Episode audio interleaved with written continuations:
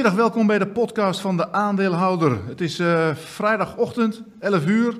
De beurs zakt lelijk weg, Albert. Ja, klopt. We zien een uh, behoorlijke forse daling, 6,84 op dit moment. Uh, ja, toch die aanval op die ja, energiecentrale, kerncentrale in Oekraïne, ja, die maakt toch de onzekerheid die al groot was, nog groter. Um, en ja, dat is natuurlijk het alles overheersende thema op dit moment. Uh, wat gaat daar gebeuren? Um, en ja, is eigenlijk ook het enige natuurlijk wat eigenlijk belangrijk is. En aandelen, uh, of welke aandelen je moet kopen of verkopen, waar wij hiervoor zitten, is natuurlijk enigszins irrelevant ten opzichte van wat er daar allemaal gebeurt. Ja, ja, dat is natuurlijk waar. We begonnen eigenlijk gistermiddag eigenlijk al. Hè? Begon het lelijk te glijden vanaf de 7.25. Ja. Vanaf half vier eigenlijk. En uh, het is alsof die Amerikanen wat weten of zo. Maar het ging uh, echt behoorlijk hard omlaag. Alles ging mee. De een wat harder dan de ander. En uh, nou ja, goed, we zitten ook voor het weekend natuurlijk. Dat, is, dat zag je eigenlijk afgelopen week ook steeds. Dat veel partijen willen op de vrijdagmiddag niet met, met rare posities blijven zitten. Nee. Je weet nooit wat er gebeurt in het weekend. En nu helemaal niet. Russen die willen, uh, lijkt erop dat ze door willen pakken en dat ze de hele boel uh, plat gaan gooien daar. Dus uh, iedereen is super voorzichtig en dan zie je dat die koersen dalen. Ja. Um, ja, er zitten veel mensen natuurlijk met handen in het aard. Van wat moet je nou eigenlijk doen als belegger? uiteindelijk op de lange termijn, dat weten we allemaal, spreiding en, en um, ja, rustig blijven zitten, niet te veel met geleend geld en de goede bedrijven hebben. Maar op de korte termijn is het natuurlijk een ander verhaal. Want ja, hier kan je eigenlijk niet zo gek veel aan doen. Nou, wat het is, kijk, wij zijn altijd bezig hè, met aandelen. Dat is, dat, dat, dat, is niet in ons werk, maar dat is ook gewoon onze hobby. Wij vinden het leuk om aandelen te selecteren, bedrijven te analyseren en daar een mening over te vormen als iets een goed idee is om aan te kopen of wellicht om te verkopen uit je portefeuille. Uh, kijk, je kunt nu zeggen van hey, deze vier of vijf aandelen zijn heel aantrekkelijk geprijsd. Uh, alleen op de korte termijn uh, wordt de richting van de beurs gewoon simpelweg bepaald door wat er gebeurt in uh, Oekraïne en wat de Russen gaan doen. Dus als belegger kun je zeggen van nou, ik, ik geloof in de lange termijn, aandelen stijgen op lange termijn, dus ik hou mijn posities vast. En als je kwalitatief goede bedrijven hebt, is dat ook een hele logische keuze. Uh, ook in mijn eigen portefeuille, zowel bij ProBeleggen, uh, heb ik wel een behoorlijke zeg maar, cashpositie. Maar mijn aandelen die ik dan verder bezit, die, die heb ik gewoon vastgehouden. Die heb ik niet verkocht. Uh, alleen, ja, je kunt soms wel... De, het kan natuurlijk heel snel misgaan. En uh, nou, gisteren stelde ik jou volgens mij de vraag van... Goh, Nico, stel je nou voor dat, dat, dat, dat we in één keer 100 punten dalen. Wat moet je dan doen? Dus dat is eigenlijk, ja, en denk ik wel een vraag als dat op korte termijn gebeurt. Ja, wat zou je dan doen, Nico? Ja, uh, inderdaad. Het is lastig. Ik heb het gisteren in de, in de chat ook besproken. Je hebt het ook ja. bij uh, je webinar in links over gehad natuurlijk. Hè? Want uh, kijk, het, het, is, het, je kan er... Um, ja, ten eerste weet je niet of het gebeurt of niet. Die kans is denk ik niet zo groot dat het 100 punten lager over. Maar de, de kans is nu wel groter dan ooit. Dat je, dat je een keer op een maandagochtend of op een woensdagochtend, weet ik veel, als het misgaat, dat het, de beurs echt 10% lager staat. Um, en uh, ja, ik, ik, um, ik hou ook niet van om de boel te verkopen, want je, je weet het ook niet. Het is heel lastig te timen, maar wat je wel kan doen, en, en dat is toch een klein beetje verzekering inbouwen. Waar ik, dan, ik heb het zelf ook gedaan, ik heb het, we hebben dat op de website staan, je kan het gewoon lezen. Ik heb ook een uh, screenshotje gemaakt van wat ik gekocht heb. Um, ja, voor, voor relatief weinig geld koop je toch eigenlijk voor een paar honderd euro. Ik heb voor 500 euro heb ik wat, uh, uh, uh, wat indexpoetjes gekocht. Gewoon la, een lage strike. Um, ik had er 560. Gisteren in de chat zei ze Even een stapje terug, Nico. Hè? Maar, wat doe je als je een put koopt? Maar wat, wat gebeurt er dan? Als je een put 560 koopt, wat jij zegt, nou ja. wat gebeurt er dan effectief? Uh, kijk, een put-optie is bedoeld om, uh, die wordt meer waard als de beurs omlaag gaat, als de, de koers omlaag gaat. Dus, en wat je met name ziet, dat met die lage poetjes, die, die, die kosten in absolute termen weinig geld. Dus dit kost mij zeg maar 500 euro. Had ik geloof ik 7 poetjes op 70 cent. Nou, ik, ik, hoop, ik hoop echt van ganse harte dat die waardeloos aflopen. Maar mocht, mocht het echt hard gaan naar beneden, mocht je een gap opening krijgen, zoals we dat noemen, dat de beurs in, in één dag, uh, boem, 100 punten lager staat, of 50 of 60, ja, dan schiet de paniek in de markt. En dan worden opties, uh, uh, zowel calls als puts, worden hartstikke duur. Nog veel duurder, maar omdat je ook nog eens neerwaarts gaat natuurlijk. Krijgen die out-of-the-money puts opeens heel veel waarde. Nou, ja. verschil, je kan natuurlijk ook zeggen, je koopt een at-the-money put, dus een, een, een put 700, maar die kost veel meer geld. En ehm, ja, dan, dan zit je met het feit dat je niet weet of het gebeurt. En als er niks gebeurt, dan loopt die waarde eruit. En van die out-of-the-money puts maakt het dan niet zoveel uit. Het is, het is relatief weinig geld wat je erin gooit. Ehm uh, en, en, maar je, je, hebt er dus, je hebt er dus niets aan als hè, met, met, die Boet 560 die jij uh, gekocht hebt op maat. Die loopt nog uh, zeg maar vandaag precies twee weken. Twee weken. stel dat de AEX van 684 doorgaat naar 640. Dan heb je er in principe niks aan, ben je je geld kwijt.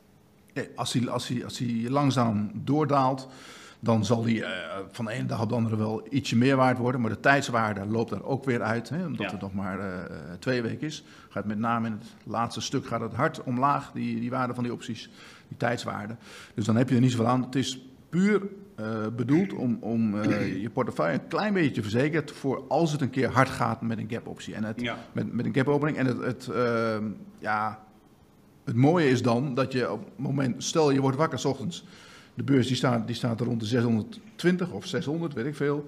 Um, je kijkt dan, wat heb je? Nou, dan zie je alles. Uh, je meeste aandelen die staan in het rood. Er zullen er een paar zijn die het misschien goed doen, zoals Flow Traders of Virtue Financial, die, die we ook hebben. Uh, maar, maar, de rest staat natuurlijk allemaal dik in het rood. En dan heb je die, dan heb je die put-optie erbij. En die heb je gekocht voor een eurotje of voor, voor 7 cent. Die is dan 5 euro waard of een tientje. Nou, ja. Die kan je dan te gelden maken. Je kan ook zeggen, ik hou hem vast, want uh, misschien zakt er nog verder. Maar je kan hem wat je ook kan doen, is, is hem dan te gelden te maken. Dan heb je uh, toch een beetje cash op dat, dat niveau. En dan kan je ook weer met dat geld weer um, bepaalde aandelen aankopen. Die, zijn, nou, die had ik altijd al willen hebben. Die zijn nu wel erg goedkoop in de paniek. Dan heb je ook wat vuurkracht. Om het, ja. Uh, ja. Dat is een niet goed woord in dit geval. Maar dan, heb je ook wat, dan kan je wat doen op dat niveau. Want normaal gesproken... Hè, mensen die vol belegd zijn, die, die staan dan op, als je op, de, op zo'n dieptepunt staat, ja, dan sta je een beetje te kijken en je kan niks doen. Ja. Uh, het is belangrijk om. We hebben natuurlijk, uh, ik zag, uh, we hebben een mooi artikel op de homepage zien staan bij de aandeelhouder. Dat mensen het ook de techniek goed kunnen lezen natuurlijk. En het is ook niet, denk ik, dat wat, wij, wat je hier zegt is van, het is bedoeld van, je bent volledig beschermd of ik hoop dat de boel gaat crashen. Het is meer van, mocht het nu echt heel erg misgaan, dan kan ik voor een relatief klein bedrag mijn portefeuille gedeeltelijk beschermen. Dat is eigenlijk wat je hier, hè, ja. een lang verhaal kort, was wat hier gebeurt. Maar ik denk dat Daar best mensen gewoon even op de website de details lezen, want het is uh, denk ik redelijk lastig om het uh, mondeling goed over te brengen. Ja, en het is natuurlijk, kijk, de markt blijft hartstikke moeilijk te timen. Dat is ook niet ons werk. Wij kijken puur naar de, de, de aandelen, bottom-up zeg maar, hoe het, hoe het met de bedrijven gaat. En dat komt er op de langere termijn ook wel uit. Ik zag een staartje van iShares was dat. Die, die hadden dan uh, een aantal uh, ja, zaken in het verleden bekeken, hoe dat uh, uitpakte. Nou, dan, dan zie je dat over het algemeen, hè, dat na een maand of drie, dat alles wel weer op het oude niveau staat of zelfs hoger. Maar goed, ik moet wel zeggen, in dit geval, zoiets hebben we nog niet echt meegemaakt, denk ik, dat het zo spannend was en zo dichtbij komt. Want ik vind het uh, ook, ook afgezien van, van geld en van de beurs en wat er ook allemaal, ja, persoonlijk vind ik dit ook best wel een, een ingrijpend iets wat er gebeurt. Ja, je kunt ook in principe, ja, dat klinkt een beetje cru, maar je kunt eigenlijk ook nooit geen ene bal met zulke lijstjes. Want ja, this time is different of uit het verleden behaalde resultaten bieden geen garantie voor de toekomst. Ja, dit is weer gewoon iets nieuws. Dus het is altijd dan heel moeilijk, denk ik, om een parallel te trekken met iets wat we de laatste twintig jaar niet hebben gezien. Nee, dat, en dat is ook precies zo. Dus wat dat betreft moeten we maar gewoon afwachten, net als iedereen.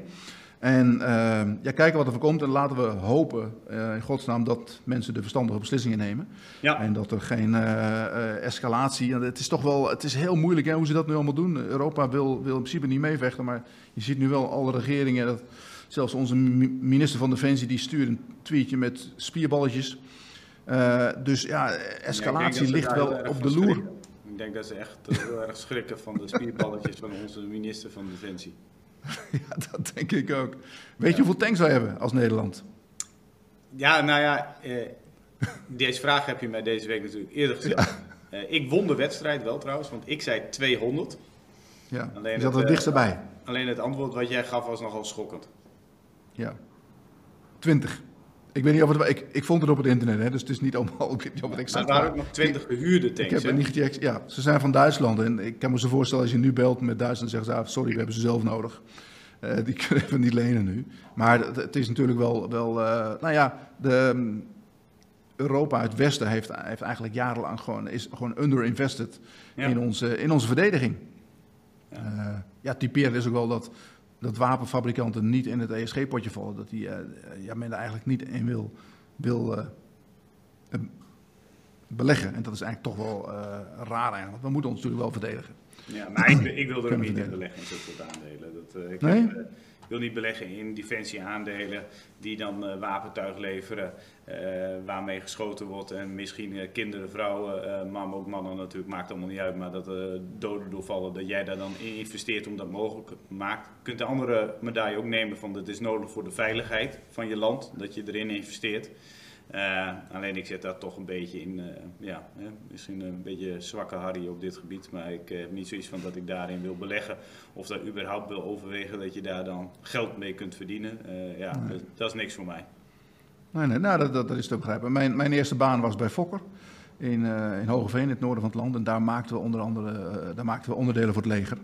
Onder andere de lanceerbuis voor de, de Patriots. Ze maken de hokjes voor het leger van die shelters die eh, op die vrachtwagen staan. Dus ja, dat is. Ik, en en heel, veel, heel veel van die bedrijven die doen ook andere business. Die maken ook onderdelen voor vliegtuigen of voor, uh, ja, noem maar op wat, voor aerospace. Zit vaak een beetje in dezelfde hoek. Dus dat, die moeten wel. Uh, ja. we, mo we, moeten ons wel verdedigen kunnen, Albert. En dat kunnen we ja. nu niet. Hey, afhankelijk van de Amerikanen, die willen wij nog doen. Naar die AX te kijken. Hè? En dan uh, slechtste aandeel van de week. Uh, het is vechten om de laatste positie, maar toch een, we hebben een uh, glorieuze winnaar deze week. En dat is uh, ING met min 19% ja. op dit moment. waarom doen die ja, banken, maar ook eigenlijk waarom doen die verzekeraars banken, waarom gaat dat zo broerd? Nou ja, we kregen gisteren ook in de, in de chatsessie veel vragen over die verzekeraars. Het, is, kijk, het, het bijzondere was, die verzekeraars hadden echt hele mooie cijfers. AZ, hè, daar hebben we ook een video van gemaakt met hele mooie cijfers. Maar AZ die presteert heel goed. En N had hele mooie cijfers, kopen veel eigen aandelen in. En toch ja, zie je die aandelen. Dat is de beste analyse volgens mij, dat je hele video was van uh, AZ. Ja, daar kon ik heel kort over zijn. Maar je ziet nu dat ze toch heel makkelijk wegzakken. En uh, nou, ik heb ook een beetje rondgebeld naar wat, wat uh, experts uit die hoek. En het, zijn, het, is eigenlijk een cocktail van, van een aantal dingen. Um, ik moet zeggen dat die, de, de verzekeraars en de banken gingen afgelopen maanden hard omhoog. Dus ja, er zit ook een stukje winstneming in. En ze gingen met name hard omhoog omdat de rente omhoog gaat. En dat is goed voor verzekeraars. Dan hoeven ze minder geld apart te houden voor uitkeringen later. Nou, mm -hmm. uh, uh, dat is een logisch verhaal.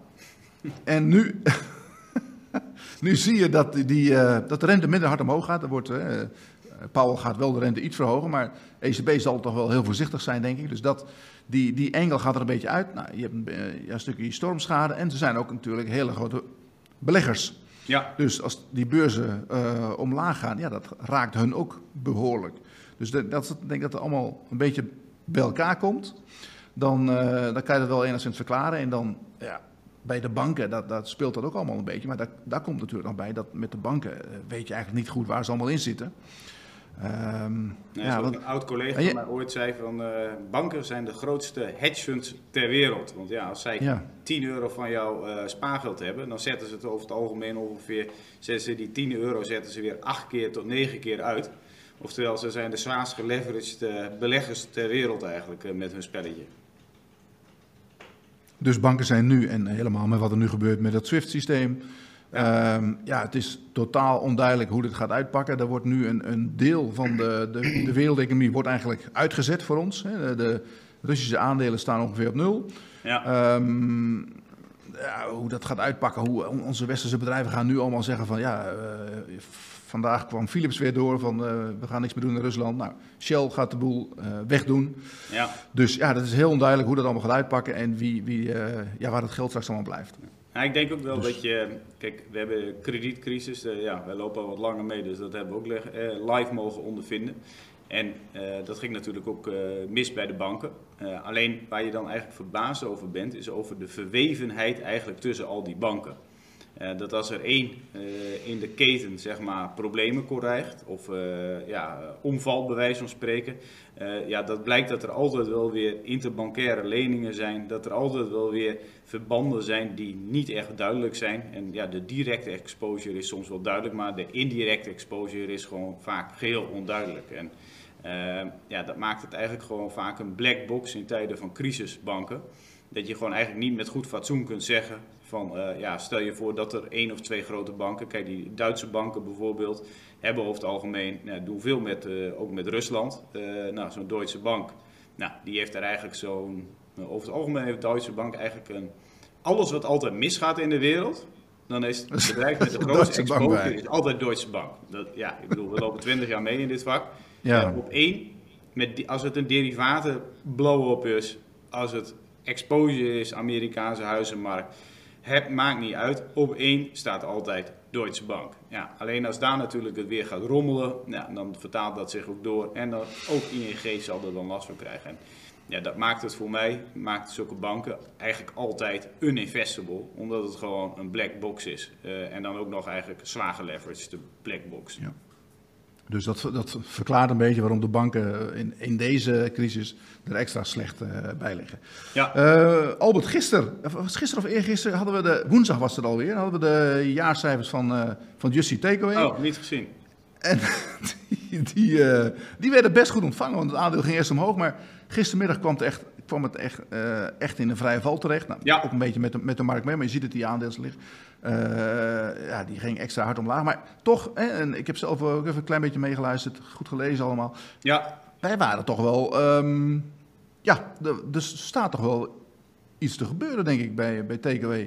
Als we Jitsen zo, zo mochten beluisteren. Nou, eigenlijk vond ik de, de, de, want de cijfers waren voorlopig al bekend in januari. Nu kwamen de details. Nou, eigenlijk vond ik de cijfers gewoon wel goed. Want in uh, Amerika en in het Verenigd Koninkrijk waren eigenlijk de verliezen wat kleiner dan gevreesd. Uh, daarentegen was er meer verlies in uh, Zuid-Europa en Australië en Nieuw-Zeeland. Alleen dat zie ik toch als minder essentieel in het geheel van de investment case. Uh, dus die cijfers waren wel prima. Uh, de call uh, die erop volgde was eigenlijk ook wel verhelderend. waarbij Jits Groen eigenlijk de, de uitspraak deed. want het ging natuurlijk over CrubHub. Wat ga je daar doen? Nou, eerst gaf hij aan, we zoeken strategische partner, financiële partner om de business daar duidelijk te verbeteren. Um, dus dat was, een, dat was een goed antwoord. iFood nog steeds open voor een verkoop. Alleen ja, ik denk dat hij daar toch wel zichzelf echt in de poten heeft geschoten, om het zo maar ja. te zeggen. Uh, alleen hij zei ook, uh, en dat vond ik dan wel belangrijk, we are open for everything, zei hij. En uh, ja, dat is natuurlijk wel een, een, een, zware uitspraak, want dat betekent... Wat moet je met zo'n uitspraak dan?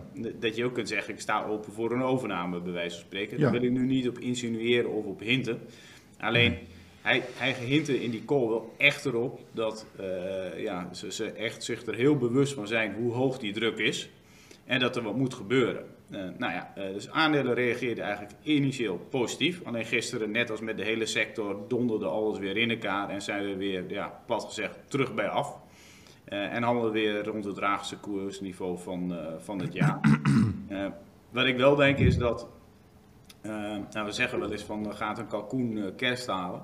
ik vraag me af als Jitse de AGM begin mei gaat overleven. Want uh, begin mei dan is de, de jaarvergadering.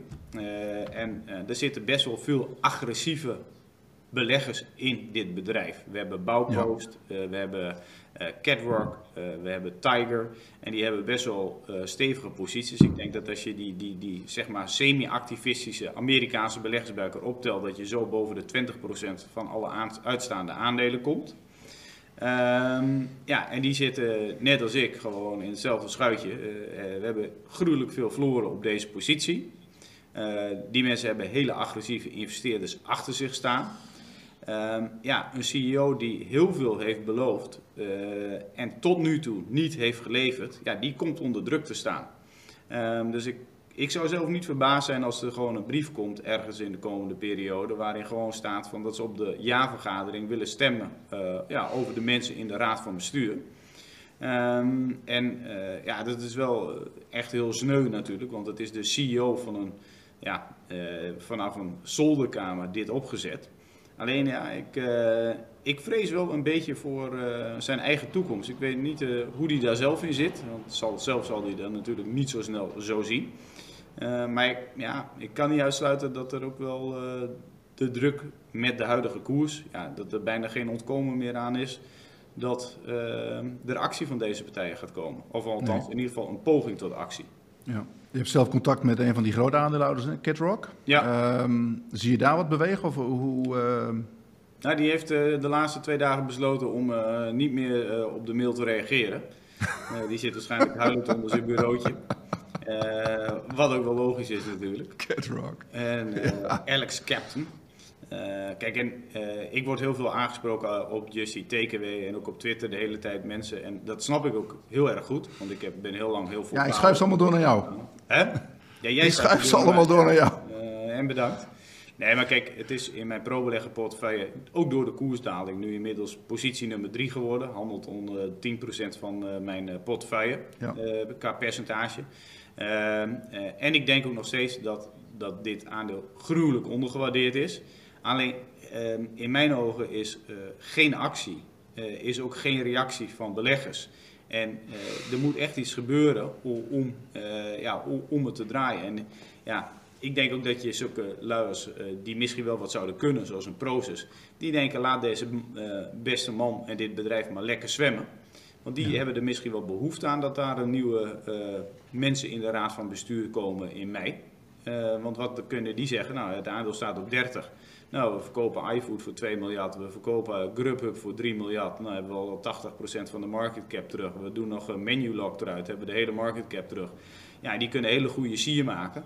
Uh, dus ja, ik heb ook het idee dat uh, misschien laten ze hem wel gewoon, ja, even cru gezegd, ook wel een beetje bungelen op dit moment. Ik heb hem uitgenodigd natuurlijk een tijd geleden voor een uh, podcast ook. En uh, ja, toen moest ik na de jaarvergadering weer contact opnemen. Nou, ben benieuwd als, uh, als Jitse behalve bij Harry ook een keer bij ons wil zitten. Ja, maar als hij kan kiezen tussen Harry Mensen en, en, bij ons in de podcast, ja, dan, dan weet je wel wat hij kiest. Ja, ons. Maar, maar toch zit hij Barry. Ja, ik snap het ja, ook inderdaad. Um, Proces is, is inderdaad, die zitten natuurlijk ook in hetzelfde, dezelfde hoek voor een ja. deel. Het aandeel ligt ook heel slecht. Um, nou, geef er ook maar een verklaring voor dan. Ja, nou ja, die hebben natuurlijk wel redelijk wat uh, shit. Want uh, die, uh, ja. een van hun grote posities is Delivery Hero. Tencent is natuurlijk met afstand de grootste positie. Ja. Maar Delivery Hero is ja, hard gedaald. ze hebben wat belangen in Rusland. ja, daar zijn ze nog niet vocaal over geweest wat ze daarmee gaan doen. Ja, dat kan ook wel betekenen dat er misschien wat beleggers iets hebben. Ja, als jullie geen afscheid nemen van Russische assets of net zoals andere bedrijven hebben gedaan, ja, dan wil ik ook niet meer in jou zitten. Uh, en je hebt natuurlijk het, uh, ja, het grote belang is Tencent. Uh, en de spread dit jaar is echt enorm toegenomen. Ehm, maar verdere echt hele duidelijke verklaringen, behalve dan wat ik net heb genoemd, zie ik ook niet. Nee, nou, er speelt een beetje het Taiwan-verhaal natuurlijk. Hè? Dat, dat men, ik denk, nu een beetje, een beetje bang is dat de Chinezen straks hetzelfde gaan doen met Taiwan. Ja, um, ja waarom daalt het aandeel Tencent dan niet? Ja, nou ja, die daalt ook wel, maar die daalt niet zo fors als Prozus. Dus er, nee. zit, hier meer uh, weekends dan in China, zeg maar. Mm -hmm. En, en of in Hongkong. En ja. Uh, nou ja, goed, dat is, dat is misschien een, een verklaring. En uh, ja. ja. Voor de rest weet ik het ook niet. Het is, het is wel leuk om uh, mensen te vragen die, die, die hier naar kijken. Als ze een uh, idee hebben van, uh, nou, Prozus staat nu op 49,95. Dat is al gruwelijk laag. Maar wellicht hebben ze een idee wat, uh, ja, dat is een beetje een flauw spelletje misschien, maar wat de laatste koers van Prozus gaat worden dit jaar. En dat we daar misschien een leuk prijsje op zetten. Uh, misschien hieronder uh, in de comments, dat mensen eens kunnen aangeven wat verwachten ze waar die koers naartoe gaat. Ja, net als destijds met Inpost. Inpost. Dat geeft nog wat lager dan iedereen dacht. Ja, nou ja, die prijs kunnen we ook nog steeds niet uitreiken, Nico. Want uh, nee. ja, hij zoekt elke keer nieuwe bodems op. En uh, we zien nu 4,80 staan. Oh. Uh, dus ja, toen ben ik niet zo blij mee, Albert. Toen wij begonnen was volgens mij 7. Waarom ben je er niet zo blij mee? nou, even leuk voor de mensen thuis om te vertellen. Ik heb een heel, heel klein plukje inpost gekocht. En ik denk, het is toch wel erg laag. Wordt ook steeds kleiner. Rond de 5, 5,15 volgens mij. Maar het wordt uh, inderdaad, uh, doet steeds minder pijn. Maar bij elke downtick krijg ik te horen wat een nieuwe, nieuwe koers is op kantoor. Maar goed, dat maakt niet uit. Ik vind uh, Inpost hè, moeilijk, moeilijk te duiden. Het, het is natuurlijk een Pools bedrijf. Nou, dat alleen al is, is nu spannend. Want die zitten daar, hoe dichter bij Rusland, hoe spannender. Maar ja, goed, ik zit een beetje in mijn posthoekje, Albert. Ja, en, ook, voor de rest ja, heb ik... Jij bent natuurlijk de man van PostNL. ik ben de postbode. op kantoor. Maar ik, ik moet zeggen, dat, dat, daar hebben we dit weekend ook uitgebreid artikel over in het magazine. Dus wel even leuk om te vertellen. PostNL en B-Post. B-Post begint ook weer een beetje te leven. Staat rond de 6 euro. Echt een beetje een noodkoers. Komt van de, er stond 28 toen ze ooit ja, het waagden om, om een bod te doen op PostNL. En daar is een beetje, uh, dat, vind ik wel leuk om, om, om nu te zien. Daar is een beetje alles misgegaan wat er mis kon gaan. En uh, mislukte overname PostNL natuurlijk, 2016. Toen hebben ze een jaar later hebben ze een bedrijf in Amerika overgenomen, Radio. En uh, die zaten in e-commerce, maar dat ging eigenlijk ook helemaal niet goed. Dat was echt een kat in de zak. En toenmalige CEO, die Koen van Gerven, die zei van, zei een jaar later, naar het bedrijf, de dat is commercieel dood. Ik kan er helemaal niks mee. Maar toen kwam corona en eh, net als PostNL, hè, ik bedoel, uh, laten we eerlijk zijn, Herna is eigenlijk ook ja, gered door corona. En dat radio begon ook opeens te lopen, omdat heel veel mensen die, die, uh, die gingen spulletjes online kopen en verkopen. En daar springen zij op in. Ja. Um, en dat loopt nu opeens heel erg goed. Het is ongelooflijk. En ze gaan dat nu ook in Europa uitrollen. Er is net een, een Nederlandse website is net uh, online. Die heb ik net uh, van de week bekeken. En er staat wel een beetje Vlaams-Nederlands op allemaal, maar goed. Um, dat, dat, dat is opeens, wordt dat een groeiparel. Ongelooflijk, zo kan het soms lopen bij een bedrijf. En ik heb het idee dat dat nog niet echt wordt herkend door beleggers. Uh, het is natuurlijk ook niet, nu niet de tijd om allerlei wilde aandelen te kopen zo, of met, met risico, maar uh, daar zie ik wel wat potentie in. En, is dat uh, strategie of geluk geweest? van, van B-Post. Ja, het komt een beetje over ja. van, nou, ja, eigenlijk was het dan helemaal niks. Uh, dat was corona is het ongeluk wat geworden en nu gaan we dat uitrollen in Europa. Klinkt niet echt was, een sterk verhaal. Nee, dat is dom geluk geweest. Dat is dom geluk geweest. Dus ze wilden, ze wilden PostNL overnemen. Dat ging niet. Uh, toen ging alles mis, want ze hadden er ook niet op gerekend in België dat de, dat de post zo hard achteruit ging. Ik werkte toen in België. Ik weet nog wel dat ik wel eens aan de jongens vroeg. Hoeveel post krijgen jullie eigenlijk? Zat ik uh, op kantoor in Brussel. En uh, nou, ze kregen best wel post. Ik kreeg al nauwelijks post meer in Nederland. Maar zij krijgen echt wel veel post. Jij liefdesbrieven, toch? Nou, dat is nu al over. Is dat over? Ja, ja nee, dat, was, dat is waar aanmalen. Dat is waar aanmalen? Nee, dat, dat, dat, dat, is gebeurd, Albert. ja. we, zijn, we zijn nu heel serieus bezig. Maar... Uh, um, PostNL begint met de eerste aandeleninkoop begonnen. Hè? Want aandeel ja. reageert ook wel heel positief. Want het staat plus 8% voor de week, zie ik nu. As we speak. Dus, uh, ja, die, ze, ze kwamen natuurlijk maandag... Ik moet zeggen, de cijfers vielen ietsje mee. Alhoewel mm -hmm. de mhm. outlook mij weer ietsje tegenviel. Ja. Maar dat was, het was ook wel een beetje weggezakt. Het begon eind vorige week wat op te lopen. En um, nou ja, zij kopen best agressief eigen aandelen in. En dat is, um, zij kopen dit jaar voor 160 miljoen eigen aandelen in. Moet je nagaan, ze, ze hebben een market cap van, nou, laten we zeggen, 500 uh, keer, uh, wat staat er, 4? 3,5? miljard. Dus zeg maar 1,7 miljard. Ja. En ze kopen daarvan 10% in dit jaar. En dat, dat doen ze van, uh, ze zijn nu begonnen tot en met oktober. Dus in, in acht maanden tijd kopen ze, uh, ze kopen eigenlijk elke maand voor 20 miljoen aandelen. Dus 1 miljoen per dag. Zeg maar 300.000 aandelen per dag. Nou, dat is best fors op de, op de handel ook. Dus dat geeft die koers gewoon echt een steuntje. En ze doen dat uh, uh, officieel om de verwatering tegen te gaan vanuit het stokdividend.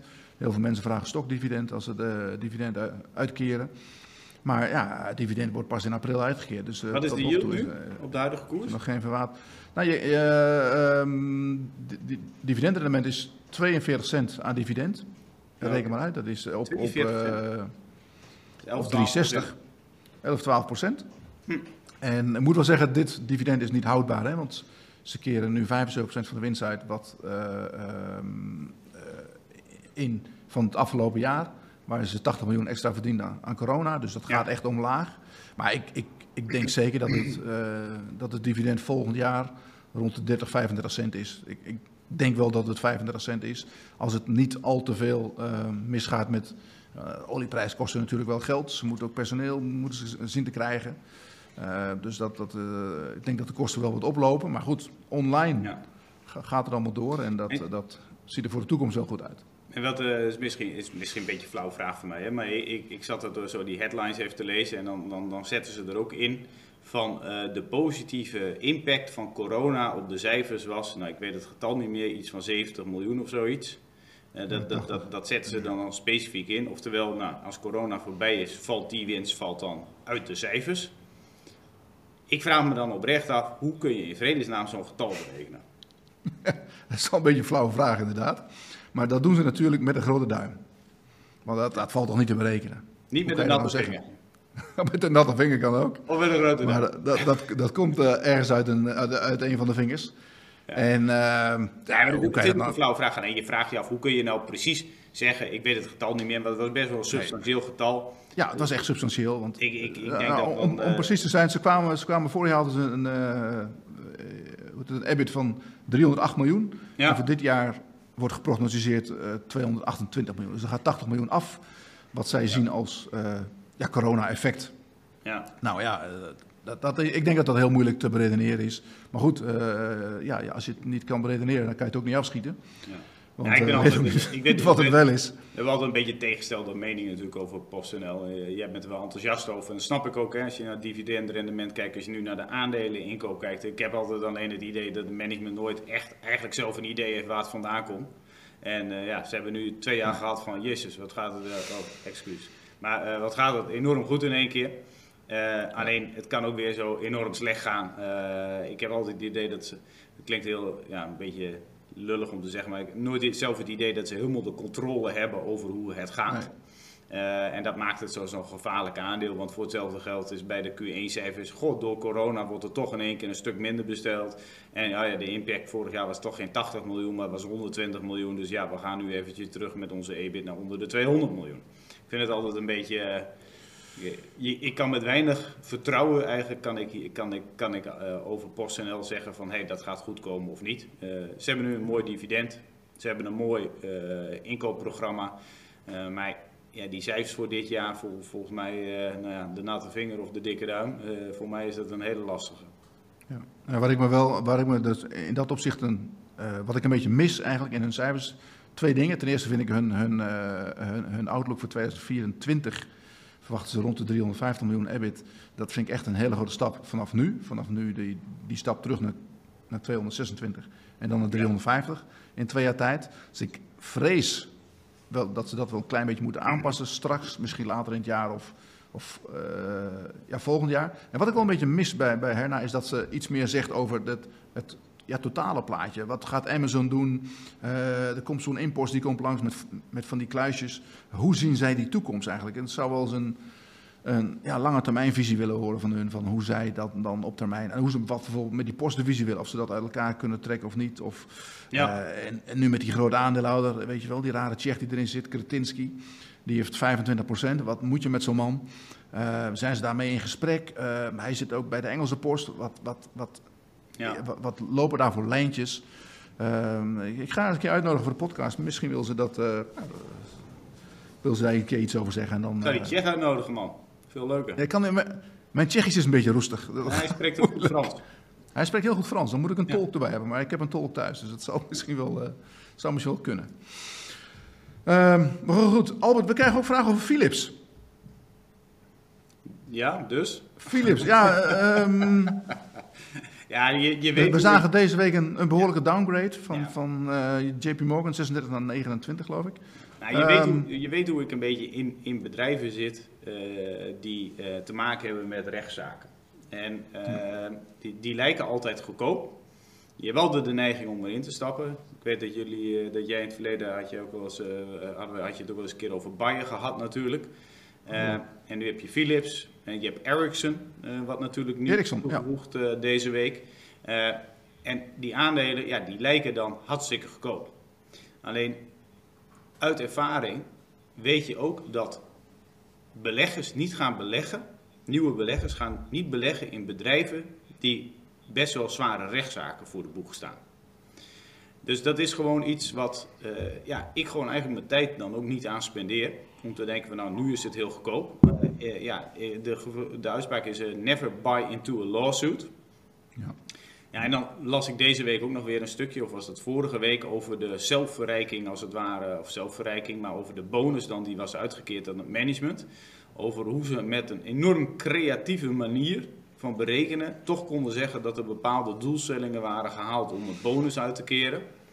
Ja, dat, dat valt ook gewoon bij heel veel. Ja, governance is tegenwoordig belangrijk voor veel institutionele beleggers. Dat valt ook gewoon absoluut niet goed uh, als jij zo'n uh, ja, mess-up hebt uh, met die beademingsapparatuur. Uh, dus voor mij is ja, banken, hè, ja, het wordt een beetje saai, want banken, dat vind ik hedge funds en grote black boxes waar ik liever in deze markten sowieso ver van blijf.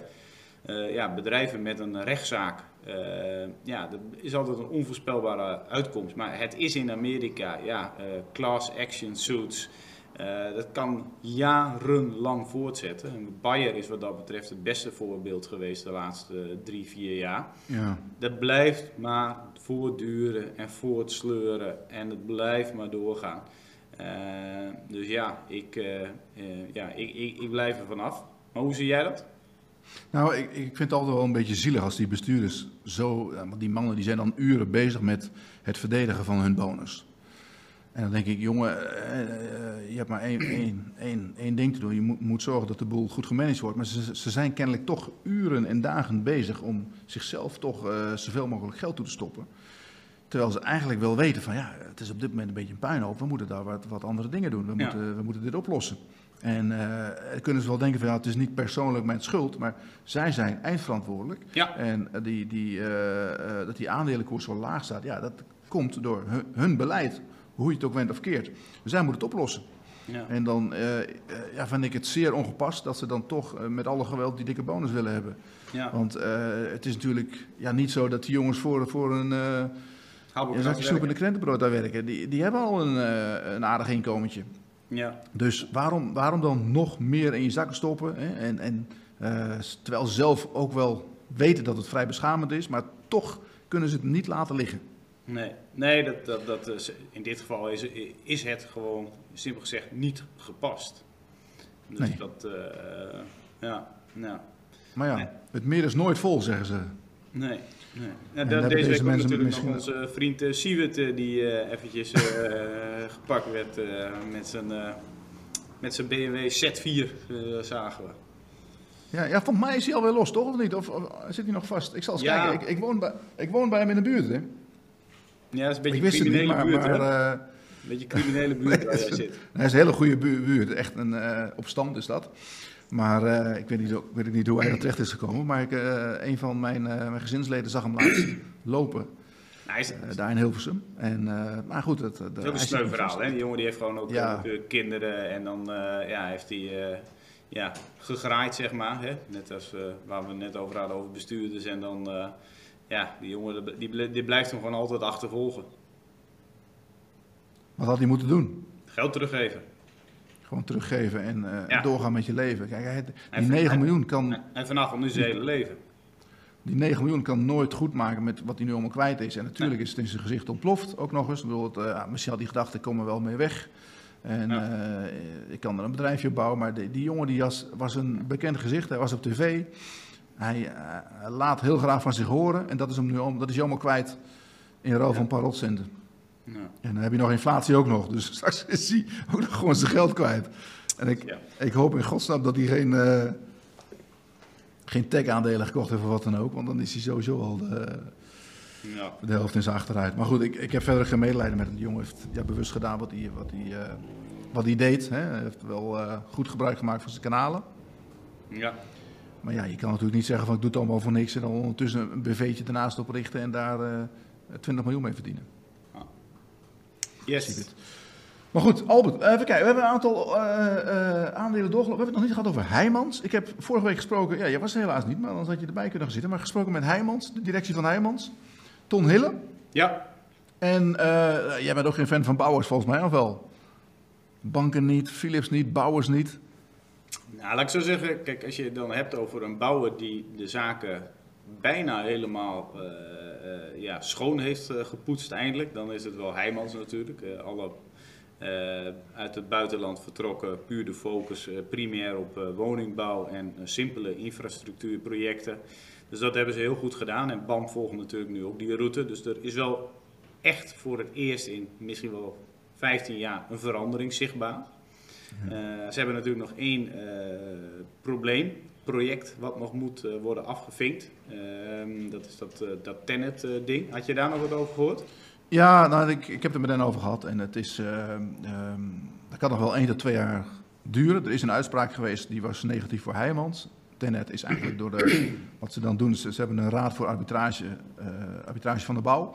En dat is een soort, een soort onafhankelijke, hè, er zitten experts in en die doen dan een uitspraak en daar houdt iedereen zich aan. En dan, die hebben uh, uitspraak gedaan al vorig jaar en dat, dat, dat was ten gunste van Tenet. Dus Heijmans moet, moet betalen. Hoeveel weten ze niet. Ze hebben nu een reservering gemaakt van 34 miljoen. Mm -hmm. Die zit al in de winst van vorig jaar. En uh, ja, ze proberen nu, ze, willen er een, ze gaan ook nog een hoger beroep volgens mij.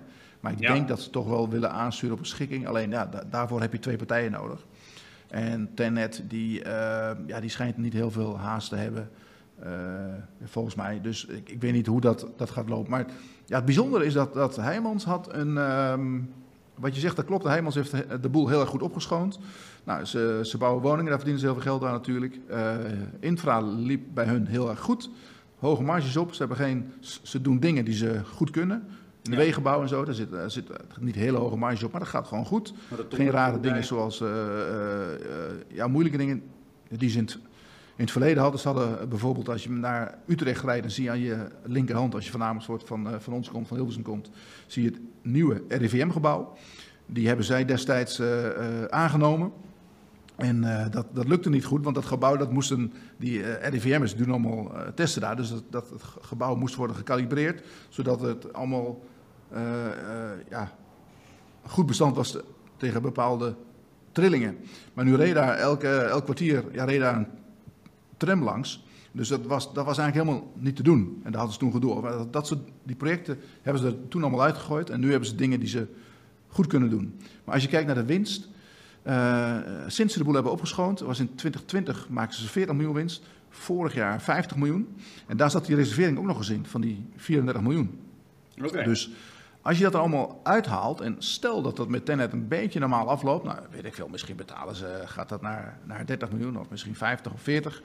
Um, en het gaat dit jaar net zoals het afgelopen jaar gaat. En, en ik heb geen indicatie gekregen dat het nu moeilijker is. Maar goed, we zitten wel uh, misschien wel uh, tegen een recessie aan natuurlijk als die inflatie aanhoudt. Maar goed, als alles gaat zoals het gaat, ja, dan kan die, die winst nog een stuk hoger uitkomen dit jaar. En daar, daar hebben ze eigenlijk, uh, tenminste ik denk, en ik, uh, dat willen ze niet zeggen, maar ik denk dat ze veel te voorzichtig zijn geweest in hun outlook. Ze hebben gezegd, we gaan iets meer omzet draaien, ongeveer dezelfde winst. Maar dat het echt nog wel een stuk omhoog kan. En die winst van afgelopen jaar was geloof ik 2,48 per aandeel. Ja, dat kan, als er niks raars gebeurt, kan het gewoon naar misschien wel naar 3 euro of nog wel hoger. Ja, ja. Dus uh, ik zie daar zeker wel, ik, je weet, ik ben Heijmans fan. Ja. Uh, fanboy. ik denk dat daar nog wel wat... Toyboy. oh nee, fanboy. Ja. Wat potentie is. En je krijgt sowieso, nu gaan ze behoorlijke dividenden uitkeren, 88 cent. Dus het is 7% op dit niveau. Ehm, ja, dus dat kan wat, wat kan dan misgaan? Hè? De huizenmarkt die kan misgaan, die kan, die kan in zijn achteruit gaan. Dat we weer, weer teruggaan naar huisprijzen van uh, twee jaar geleden misschien. Maar uh, dat is nog, ik spreek zo af en toe wel eens een makelaar. En uh, die zien nog niet, dat wordt misschien iets minder wild als een half jaar geleden. Nou, het aanbod um, is weg. Ja, ja maar de, de, de vraag is er nog wel. En de prijzen zijn ook nog wel stationair volgens mij. Ja, ja. En er is effectief wel heel veel behoefte aan woningen. Dus uh, ja, er moet veel worden gebouwd. De regering wil helpen met het stikstofbeleid. Dus ja, wat dat betreft uh, ja, zijn er niet zoveel beren op de weg, denk ik. Anders dan dat uh, we natuurlijk moeten oppassen dat we niet in, in een zware recessie komen. Als die inflatie zo hardnekkig hoog blijft. Ja. Nou ja, tot op heden heb je het goed gezien. Dus je nieuwe bijnaam wordt denk ik Nico Heijmans Inberg of zo. Dan moet ik zo'n helm op. Ja. Dat komt wel goed. Ik bestel zo'n helm voor je. In de, ik kom altijd nog in de bouw terecht. Nou ja, we zullen het zien. We hebben daar dit weekend, en, en we moeten afronden, we zitten al rond de drie kwartier. En uh, we moeten ook eten trouwens. Dus ja, we hebben dit weekend in het, uh, in het magazine staat uitgebreid uh, verhaal over Heijmans. Um, we hebben ook nog even Ontex, Albert. Ontex wordt misschien ja. van de beurs gehaald, hè? GBL door, uh, overwegen. Door GBL is misschien wel een aardig, aardig momentje om op te pikken. Rond de 6,5. Zakt wat weg vandaag natuurlijk door alle ellende. Um, ETF gaat over clean energy. Mhm. Mm -hmm. Daar wordt natuurlijk veel in geïnvesteerd de, de komende jaren. We hebben, we hebben PostNL, B-Post, Justy Takeaway, Heijmans. Virtu Financial, dat is een Amerikaanse optiehandelaar. Een beetje te vergelijken met Optiver en IMC. En die hebben het heel goed gedaan. staan, uh, zijn, we, zijn we daar in november, november mee gekomen, staat inmiddels 30, 35 procent hoger. Maar daar zit nog wel, ja, die hebben natuurlijk weer een heel goed kwartaal. Ja. En we kijken even naar Atos. Atos, dat is een uh, hoofdpijndossier uit Frankrijk. En uh, die kwamen van de week met, met slechte cijfers. CFO is opgestapt, die gaat weg per 1 mei. Al slecht teken vind ik dat. De CFO ermee ophoudt.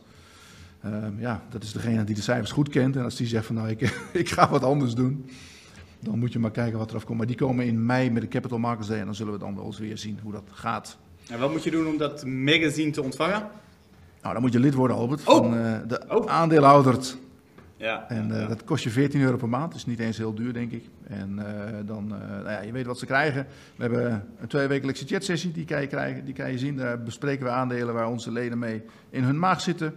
We maken veel video's en we hebben elke zaterdag om 7 uur s ochtends een online beursmagazine, de aandeelhouder op zaterdag, waarin we uh, achteruit kijken, maar vooral ook vooruit kijken naar wat mensen uh, ja, kunnen verwachten op de beurs de komende tijd. Nou, wat ook wel dus, leuk zijn is als mensen dit een uh, nou, leuke video's zijn en ze willen direct op de hoogte zijn van nieuwe video's, dat ze dan even abonneren hieronder op YouTube op ja. deze video. Dat zouden we gaaf vinden. Dan, we maken deze content gratis, dus het zou leuk zijn als jullie ons dan in ieder geval even volgen op ons YouTube kanaal. Ja, dan komen we meteen in je tijdlijn en kom je nooit meer van ons af. Nee. Ik heb heel vaak updates over Heijmans. en PostNL. Nee, geen gekheid. Spreiding heel belangrijk. Hè? Ik bedoel, je hoort mij wel eens over dit aandeel of dat. We horen jou ook vaak over takeaway. Helemaal geen probleem. Maar beleggers moeten niet vergeten, Albert, dat, dat, uh, dat doen we zelf ook. Spreiding, spreiding, spreiding is gewoon heel belangrijk. Nooit al je geld in één mandje. Goed letten op je positie. En uh, dan is er verder niks aan de hand. Yes. Dan gaan we dit gewoon uitzitten en dan gaan we kijken hoe uh, we hier doorheen komen. Righty, wij gaan lunchen. Mensen, bedankt voor het kijken. Albert, bedankt voor je tijd. Leuk dat je er even wilde inspringen. Ja. En uh, we gaan kijken hoe het, uh, hoe het verder gaat.